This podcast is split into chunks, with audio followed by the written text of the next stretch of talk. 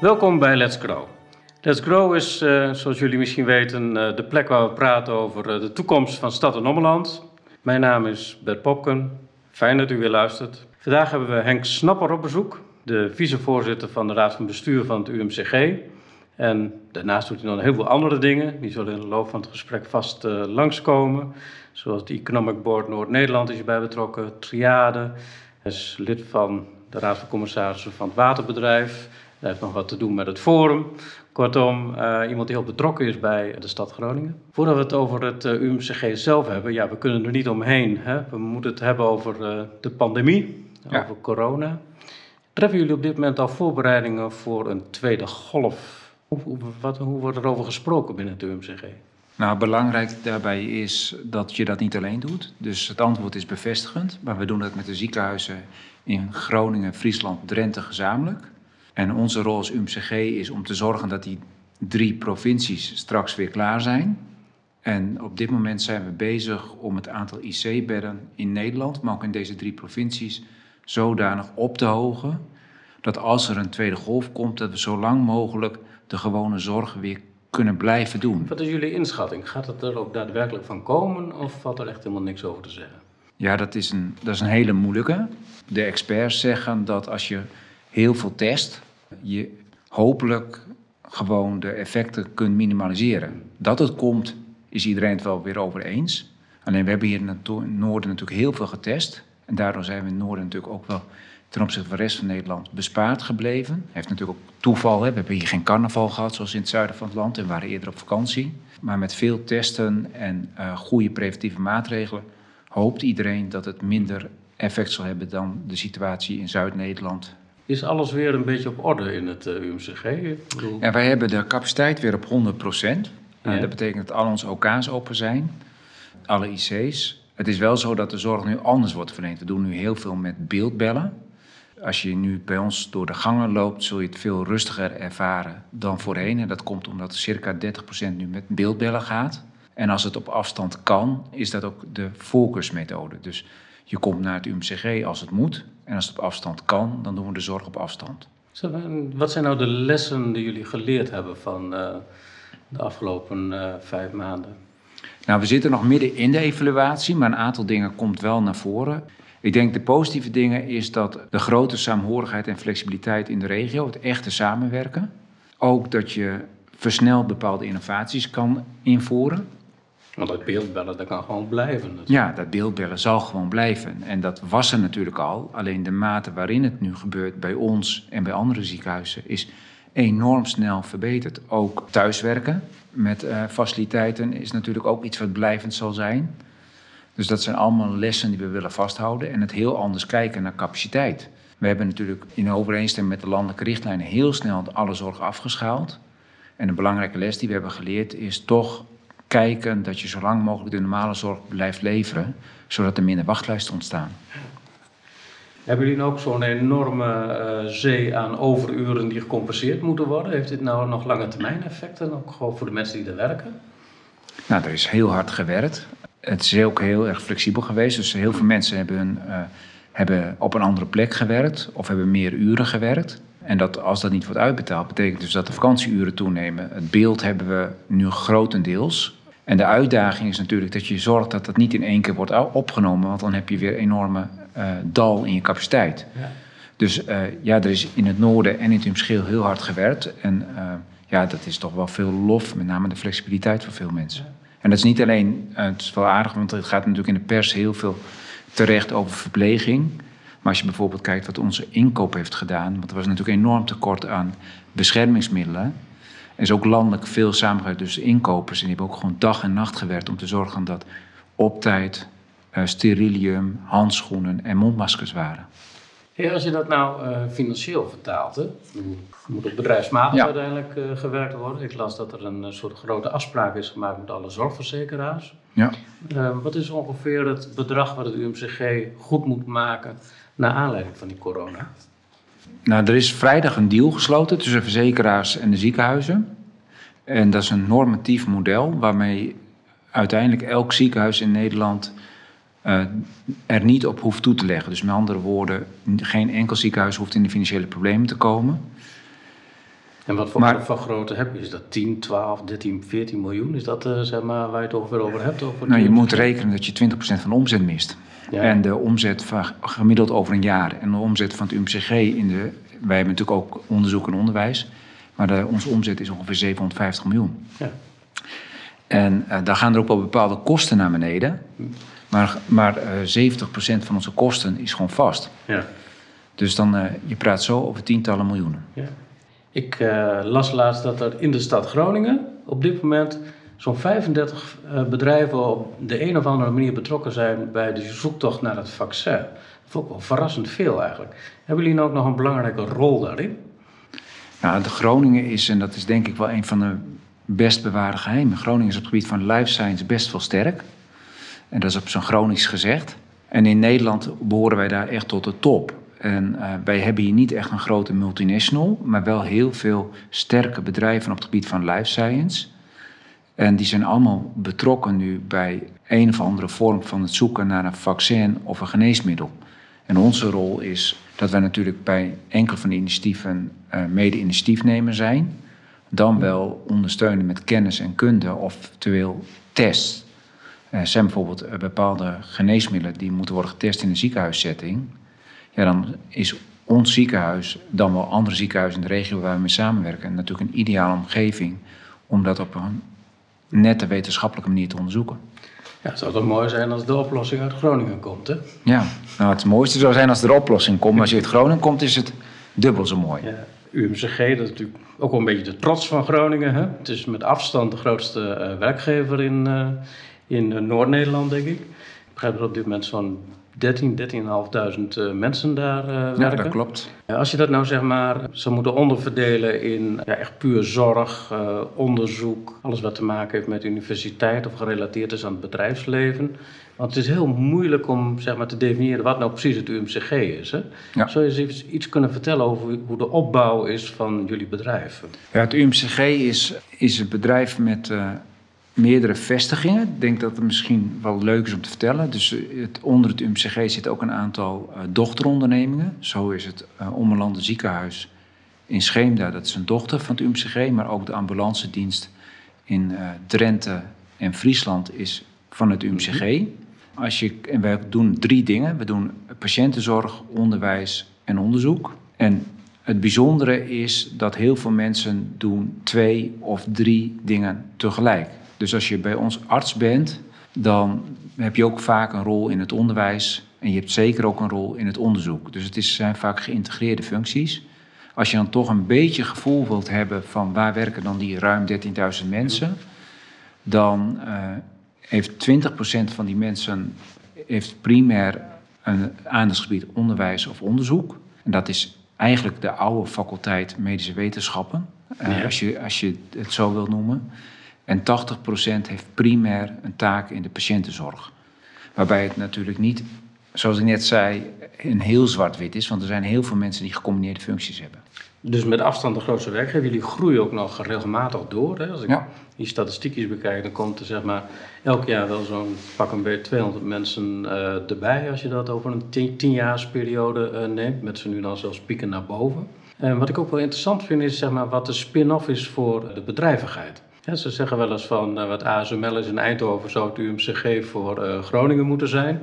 Hoe is die schil van uh, bedrijven rond het UMCG georganiseerd? Ja, dat is, dat, is, dat is een hele leuke en interessante vraag. Want er is wel eens een onderzoek gedaan naar wat is nou de, de spin-off van het UMCG. En dat was dan een gerenommeerd bureau wat wereldwijd het onderzocht. En er werd gezegd dat elke euro in het UMCG levert 4 euro voor de economie op. Nou zal de echte econoom zeggen, dat is een mooie belegging. Het is natuurlijk niet zo dat elke... Het stopt op een gegeven moment. Hè? Maar dus als je kijkt naar de omzet van het UMCG... en je kijkt de waarde van de economie... we hebben een omzet van 1,3 miljard... dan heeft het, rapport, heeft het bureau becijferd dat dat vier keer zoveel... voor de economische impact betekende. En dat zie je in het kleine en in het groot ook wel. Want op onze locatie aan de Hansenplein... die iedereen waarschijnlijk wel kent, midden in de stad... daar zitten een 40, 50-tal bedrijven rondom ons heen. Zijn er nou bekende namen bij? Nou, ik denk voor het grote publiek niet echt bekende namen. Maar bedrijven waar we veel mee samenwerken zijn bijvoorbeeld QPS en PRA. PRA zit nu bij het Martini ziekenhuis, dat vroeger op onze locatie. Die doen bijvoorbeeld geneesmiddelenonderzoek. Maar er zijn ook heel veel uh, bedrijven die op een of andere manier zijn ontstaan in het UMCG. Zoals bijvoorbeeld Polygenics. Een bedrijf wat nu uh, langs de snelweg zit. Uh, dus je ziet wel veel bedrijven. Er komen er ook echt patenten uit het UMCG? Ja, dat doen we samen met de universiteit. En jaarlijks hebben wij tussen de 10 en 15 patenten. Dat klinkt niet eens zoveel. Alleen ons beleid is wel gericht op als wij een patent aanvragen, dat we het idee hebben ook dat er waarde uit kan komen. Dat betekent dat je het of gaat verkopen aan een bedrijf dat het doorontwikkelt, dan wel dat er een start-up uitkomt. Want als je nou uh, dit zeg maar, extrapoleert naar uh, de komende vijf tot uh, tien jaar, dan zit er ook nog een flinke groei in die sector. Heb je zoiets kunnen vertellen wat het perspectief is van komen straks nog wat te praten over het UMCG zelf, maar vooral over die bedrijfskant, die spin-off van het UMCG. Ja, die is denk ik heel groot. Het is altijd heel moeilijk om dat te becijferen. We werken samen in Campus Groningen. En dat, dat is dan met de gemeente, de Hans Hogeschool en de universiteit. En dan maken we elk jaar uh, plannen voor de komende vijf jaar. En daar praten we over elke vijf jaar 350 tot 500 banen in de kennisintensieve bedrijven in Groningen erbij. En dat is niet alleen het UMCG, dat is breder. Maar je ziet nu, mede door corona, dat er ook weer een nationale tendens is om bepaalde bedrijvigheid weer in Nederland te doen. Dus waar wij eerst alles uitbesteden, zie je nu dat zaken weer terugkomen naar Nederland en dat we het weer in Nederland willen maken. En dat is een enorme impuls voor de life science en, en, en, en, dit, en ook voor de ICT. Maar we doen ook heel veel dingen op het gebied van ICT in Nederland. We zijn best wel koploper in Nederland als je kijkt naar ICT en gezondheidszorg. En daar zit een enorme impuls in. Dat zit nog niet eens in die getallen van die 350 tot 500 banen die we als ambitie hebben met Campus Groningen. In mijn eh, perceptie is ICT altijd drama als je dat moet invoeren in een eh, bedrijf. Gaat het bij jullie goed? Ja, wij zijn ook een normale organisatie. Nee, wij hebben, uh, wij hebben succesverhalen en we hebben geen succesverhalen. We hebben een paar jaar geleden een nieuw EPD ingevoerd. En dat hebben wij op tijd binnen de financiële middelen gedaan. En dat is best wel bijzonder mm. voor een heel groot project. De verwachtingen zijn altijd heel hoog gespannen. En dat herkent elk bedrijf. Je ziet eigenlijk in alle bedrijfstakken dat er ook een soort internationaliseringstrend is. Hè? Zijn, eh, werken jullie ook samen zeg maar, met ja, zeg maar, ziekenhuizen of onderzoeksinstituten uh, buiten Nederland? Ja, heel veel. Uh, we werken samen. Waar zitten daar de accenten in? Nou, ons speerpunt is healthy aging en uh, gezond en actief ouder worden. En daarbij werken we samen met een aantal ziekenhuizen zoals in Newcastle, uh, de Mayo Clinics in Amerika. Heel veel rondom de Baltische Staten. Maar we hebben ook samenwerking met, hmm. met instituten, kennisinstituten in Brazilië. Er zit ook lifelines in, geloof ik, hè?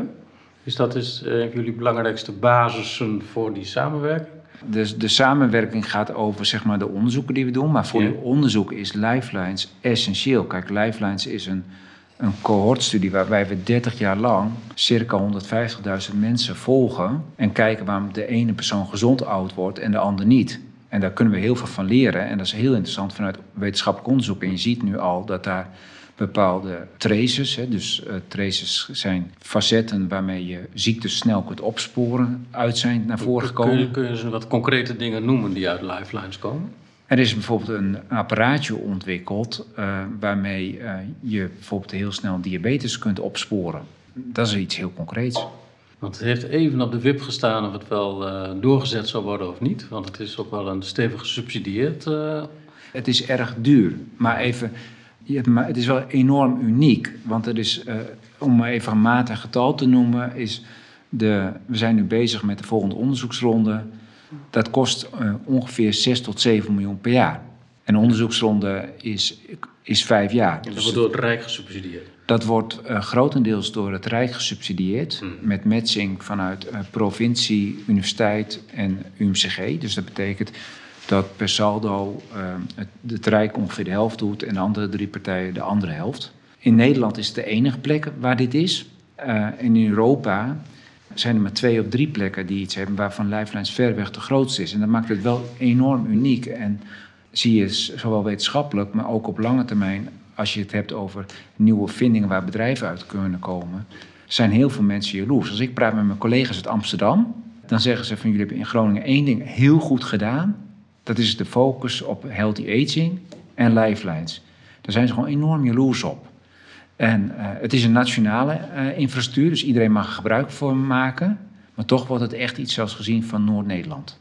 Nou, want dit duurt uh, nog een flinke periode. Hè? Dus Ja. je mag verwachten dat daar ook nog de nodige innovaties Ja. uitkomen. Ik wil even weer terug naar het UMCG zelf. De hele gezondheidszorg is tamelijk ingewikkeld georganiseerd voor iemand die er geen verstand van heeft. Met hoeveel zorgverzekeraars hebben jullie bijvoorbeeld te maken? Nou, er zijn in Nederland vier grote zorgverzekeraars en in totaal elf. Uh, dus je moet je, jaarlijks met elf uh, verzekeringsmaatschappijen een contract afsluiten. En wat het complex maakt is... Is, is dat jaarlijks? Ja. ja. Dus eigenlijk ben je permanent aan het onderhandelen? Ja, en dan is het ook nog niet zo dat je met elke verzekeraar maar één contract hebt. Want bijvoorbeeld voor de tandheelkunde moet je weer een ander contract hebben dan voor het ziekenhuis. En voor de psychiatrie is ook weer een ander contract.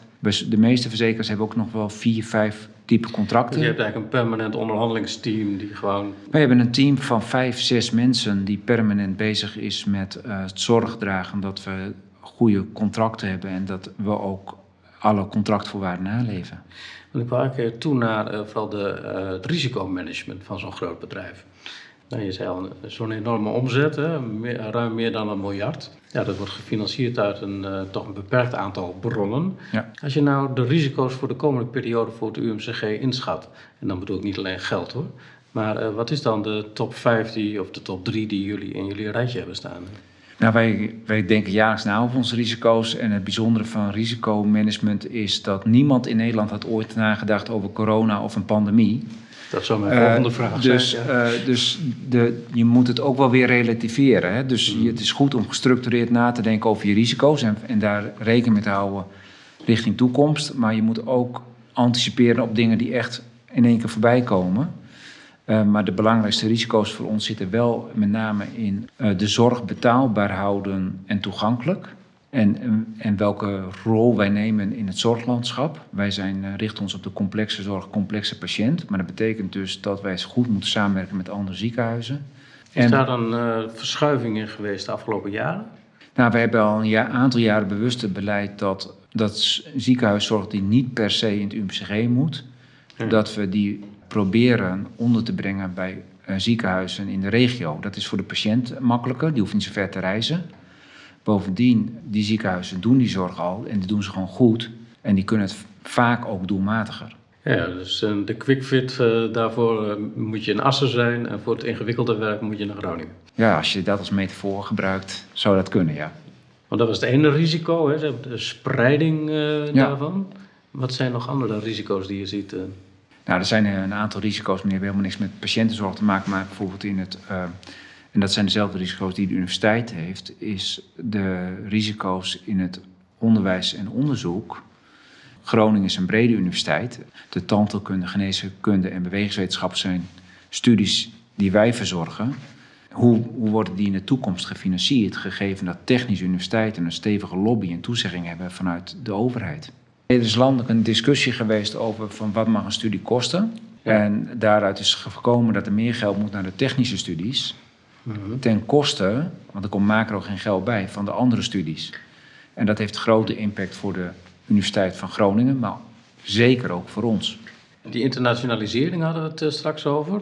Is dat Ja. ook nog een, uh, een risico in de zin van, ja, jullie moeten natuurlijk ook de goede mensen hebben. En die goede mensen zullen niet allemaal uit uh, Noord-Nederland Nou, komen. als je kijkt naar de arbeidsmarkt, is arbeidsmarkt is, is eigenlijk even, want die andere twee waren vrij financieel gericht. Het, het, het kunnen zorgen dat wij voldoende goede mensen hebben, is bij ons voortdurend een aandachtspunt. Omdat, en je zei het net al, wij groeien elk jaar in ons aantal medewerkers. De, beschikbaarheid van goed geschoold personeel is gewoon een lastige. En dat is enerzijds in de patiëntenzorg, is dat mensen toch eh, soms een andere keus maken, een ander carrièrepad. En anderzijds in het onderzoek zie je dat goede mensen trekken weer andere goede mensen aan, trekken weer extra subsidies aan. En dat versterkt zichzelf. Maar waarom zouden goede mensen kiezen voor ons? En dan helpt het mee dat je heel goed bent gepositioneerd. Maar wat wel lastig is, is dat zeker in Nederland mensen eh, het noorden soms best wel ver weer vinden. Dus het is voor ons, wij moeten beter ons best doen om een goed iemand uit Brabant of Zuid-Holland hierheen te krijgen dan als we in Utrecht zouden zitten. En ik moet eerlijk zeggen, het is, alles is relatief, want we hebben een protonencentrum hier gebouwd en dat hebben we samen met Amerikanen gedaan, want die hadden het al zeven keer gedaan. En de eerste keer dat ze hier kwamen, toen heb ik mij verontschuldigd voor de afstand van Schiphol naar hier. Waarop zij mij vragend aankeken en ze letterlijk zeiden van ja, maar dit is mijn dagelijkse woon-werk. En ik heb dit gewoon gezien als gewoon een heel mooi, mooi ritje. Ja. Het gaat over de rol in de regio. We hebben gehad over de samenwerking met diverse andere uh, ziekenhuizen. Als je dat voor de komende periode uh, ziet, blijven al die uh, ziekenhuizen in de lucht, denk je? Want ja, we hebben het ook te maken met krimpen her en der. Zo'n keuze voor een ziekenhuis in Oost-Groningen, dat zal al niet makkelijk geweest zijn. Ik bedoel, hoe ontwikkelt zeg maar, die verhouding tussen het UMCG en de rest zich? Ik bedoel, groeit dat steeds verder uit elkaar? Of? De insteek is juist dat we naar elkaar toe groeien, want je hebt elkaar steeds meer nodig. En het belangrijkste is dat je in de gebieden waar krimp is, dat daar wel gewoon de zorgvoorzieningen op peil blijven. En deels moet dat wettelijk, want bepaalde voorzieningen moet je binnen een bepaalde tijd kunnen zijn. Mhm. Daarom is het ziekenhuis in Scheemde ook zo belangrijk, want anders dan wordt de zorg... Loopt het daar? Hoe Ja. gaat het goed daar? Ja. Ja, dat staat Het is nog nog maar vers eh. Ja, het is natuurlijk maar kort open en Ja. eh, het, staat, het staat een prachtig ziekenhuis. En je ziet dat het wordt gewaardeerd door de mensen die er komen.